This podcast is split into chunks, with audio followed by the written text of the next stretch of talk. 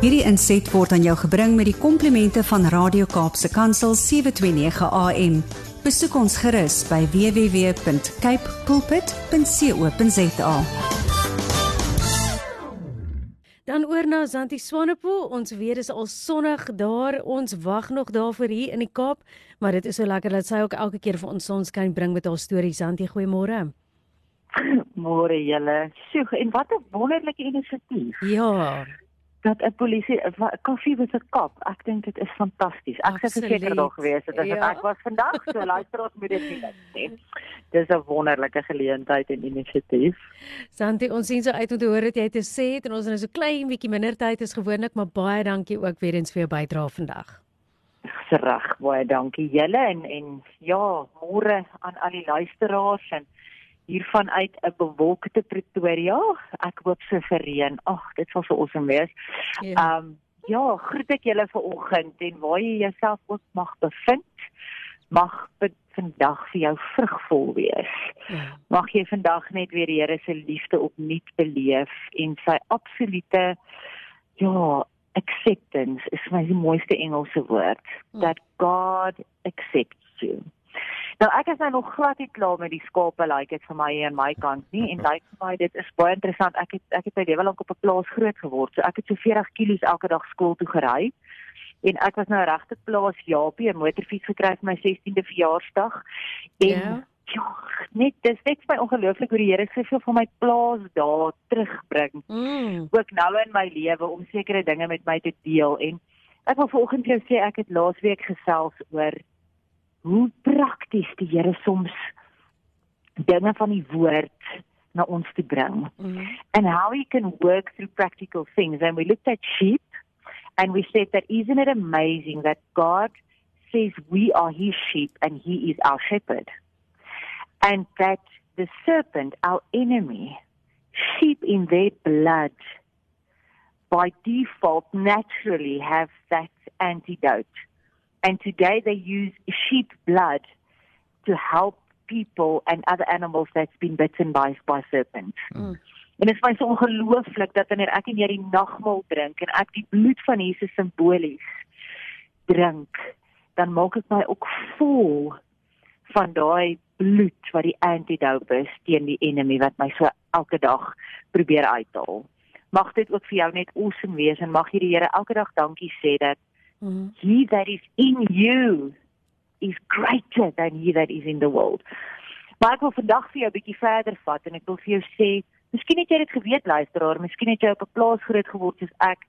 Miskien het jy dit iewers gelees, miskien weet jy dit glad nie en daarom wil ek vanoggend met jou kom deel, maar ek wil net weer vir jou baie vanaand sê een van die mooiste psalms en jy ken hom.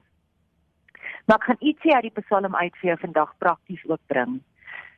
En mag dit jou bless soos wat dit my bless en mag jy dit aanroep met jou hele hart soos wat ek dit ook vanoggend aanroep. You see the Lord is my shepherd. I Zantie and you my friend shall not want. Hmm. He makes me lie down in green pastures. He leads me beside still waters. Hmm. He restores my soul. He leads me in the paths of righteousness for his name's sake.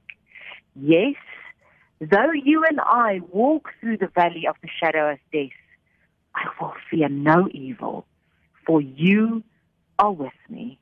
Your rod and your staff comfort me.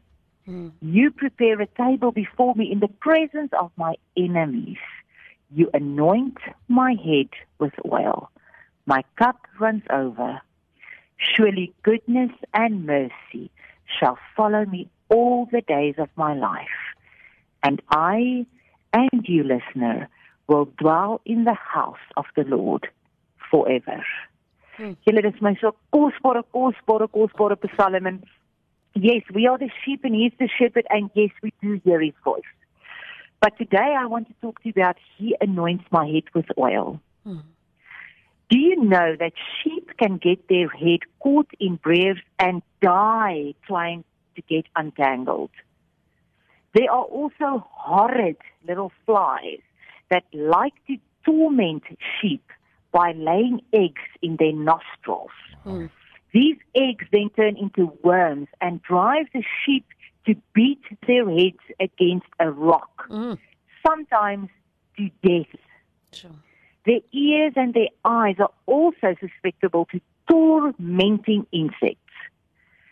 But then the shepherd comes and he literally, this literally happens, anoints their whole head with oil because then only there is peace. Mm. The oil forms a barrier of protection against the evil that tries to destroy and torment the sheep. My question to you this morning, listener, and to myself, is do we have times of mental torment? We are tormented. Do the worrisome thoughts invade your mind too, over and over? Mm. do we also beat our heads against the wall trying to stop these thoughts? If that is you, like it is sometimes also me, when last did we ask God to anoint our heads with oil? Because only then there is peace in our valley. Ja. The oil of grace. The oil that in the Old Testament only the high priest and royalty could use Mm. is today the oil of grace. Ek het dit so op my hart vanoggend dat dit is wat die Here vir my en jou wil kom sê. Ons word getorment, ons word mentaal uitgeput deur 'n klomp gedagtes wat nie van hom af is nie. Mm. En ek wil in 2 sekondes, want ek weet ek het min tyd vanoggend.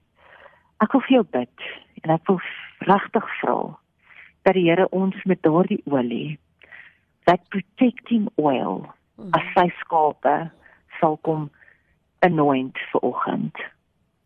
Lord, you know who is listening this morning. Lord, you know who is tormented this morning by flies, by insects, by worms, metaphorically by the evil one. Lord, but in your word you say that we are the sheep and you're a good shepherd, Lord. And in Psalm 23 it is written that you will anoint our heads with oil. Lord, my prayer this morning is that you will come. Like it is said over 77 scriptures in the Bible with regards to oil, also representing the Holy Spirit, that you will come and anoint each one listening this morning and myself, our heads with your holy, pure, godly, living oil. Hmm. Lord, come and form a barrier between us and the thoughts that are not from you. May we also, like David wrote, have peace today and forever and not, not, not asking for that oil every day to protect us, to guide us, and to make us sheltered from everything that wants to torment us on the outside. Hmm. In Jesus' name I pray. Amen.